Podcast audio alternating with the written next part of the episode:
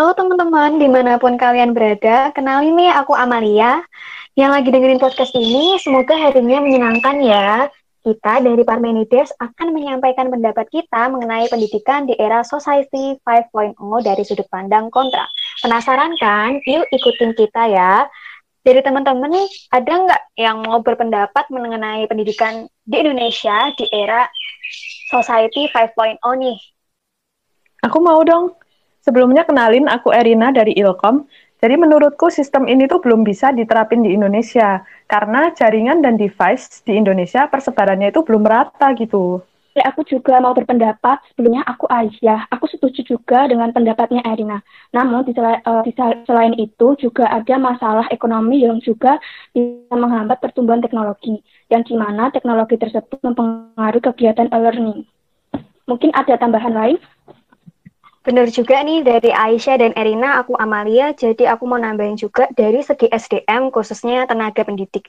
Banyak yang belum mengerti mengenai digital kreatif untuk menunjukkan pendidikan di era society, society 5.0.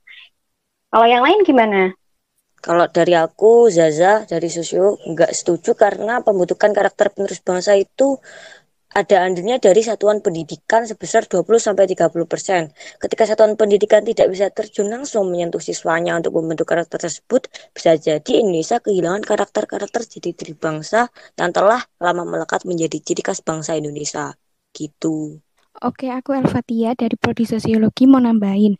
Jadi dilihat dari nilai atau segi sosialnya, program pendidikan di era Society 5.0 yang seperti itu sangat mempengaruhi siswa, terutama psikologisnya, di mana anak akan cenderung pasif dan tidak menutup kemungkinan untuk memiliki sikap individualistis karena kurangnya sosialisasi yang sewajarnya di luar sana. Terima kasih. Aku juga mau mau nambahin, misalkan aku Sabina dari HI, aku setuju sama Erina tadi. Jadi ketika kita melihat dari sisi pendidikan pada semua daerah di Indonesia, ternyata masih banyak loh kesenjangan akses pendidikan antara daerah-daerah maju dan daerah-daerah di kawasan tertinggal, terdepan, dan terluar. Kesenjangan ini tuh bisa kita lihat pada sarana infrastruktur sekolah, jaringan internet, hingga sarana prasarana penunjang pendidikan lainnya. Bahkan ada juga daerah terpencil di Indonesia yang belum tersedia akses listrik 24 jam. Tidak seimbangnya akses pendidikan antara di kota-kota dan daerah menyebabkan tidak meratanya kualitas pendidikan yang diperoleh anak-anak di Indonesia. Sehingga apabila kita terlalu terburu-buru untuk segera masuk ke dalam Society 5.0, tanpa ada upaya untuk memperpendek jurang kesenjangan akses pendidikan antar wilayah, akibatnya akan terlihat pada daerah yang maju akan semakin maju dan daerah yang tertinggal akan semakin tertinggal. Oh iya, aku juga mau berpendapat dong. Sebelumnya, perkenalkan nama gue Zarvan Suryanovali, Efek pembelajaran e-learning tidak selalu baik karena dapat menimbulkan penyakit pada kesehatan. Contohnya penyakit mata serta punggung karena terlalu lama menatap layar dan lama duduk. Oleh sebab itu, kita harus mengatur jadwal serta belajar agar lebih terstruktur dan menghindari hal-hal negatif seperti itu. Benar banget yang disampaikan oleh Jarvan.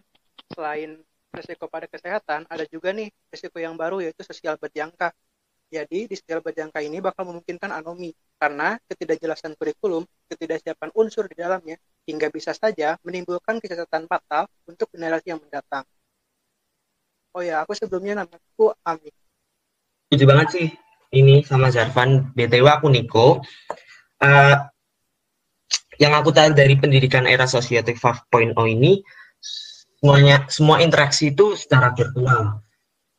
It, jujur aku akuin itu efektif. Tapi ada yang lebih efektif lagi yaitu interaksi secara langsung. Karena tuh kita nggak belajar soal teori doang tapi belajar tentang moral etika dan sopan santun. Dan kita belajar hal-hal tersebut dari apa yang kita lihat yaitu interaksi secara langsung. Mungkin itu aja sih dari aku. Mungkin yang lain ada yang mau nambah? Ya bener banget Niko. Uh, halo teman-teman aku Atela Nah, aku ingin membagikan pendapatku mengenai laptop merah putih. Ya, jadi laptop merah putih itu laptop karya anak bangsa. Uh, pemerintah uh, khususnya Mendikbud Ristek mengalokasikan anggaran 2,4 triliun untuk 240 ribu unit laptop produk dalam negeri. Tapi spesifikasi yang ditawarkan oleh laptop itu nggak sebanding sama harganya. Dengan harga yang ditawarkan, seharusnya spesifikasi dari laptop itu harusnya jauh lebih bagus. Nah itu sih pendapat aku.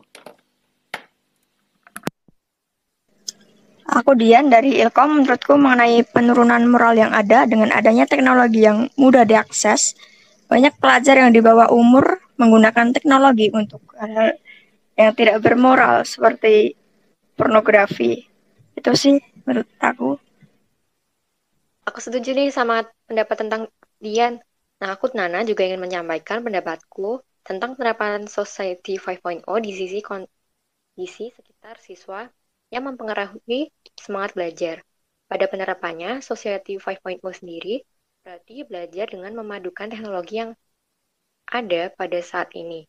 Itu tandanya siswa dapat belajar dari tempat yang berbeda, namun saling terkoneksi antara siswa lainnya dan guru. Namun, apakah lingkungan sekitar siswa pada saat diadakannya kelas atau pembelajaran ini sudah dirasa cukup nyaman atau kondusif dibanding dengan pembelajaran offline di sekolah yang memang sudah dikondisikan untuk kelangsungan pembelajaran, mungkin Bima bisa melanjutkan pendapatku. Iya, uh, saya Bima. Tentu tidak. Suasana sekitar bisa jadi menurunkan semangat siswa untuk mengikuti pembelajaran.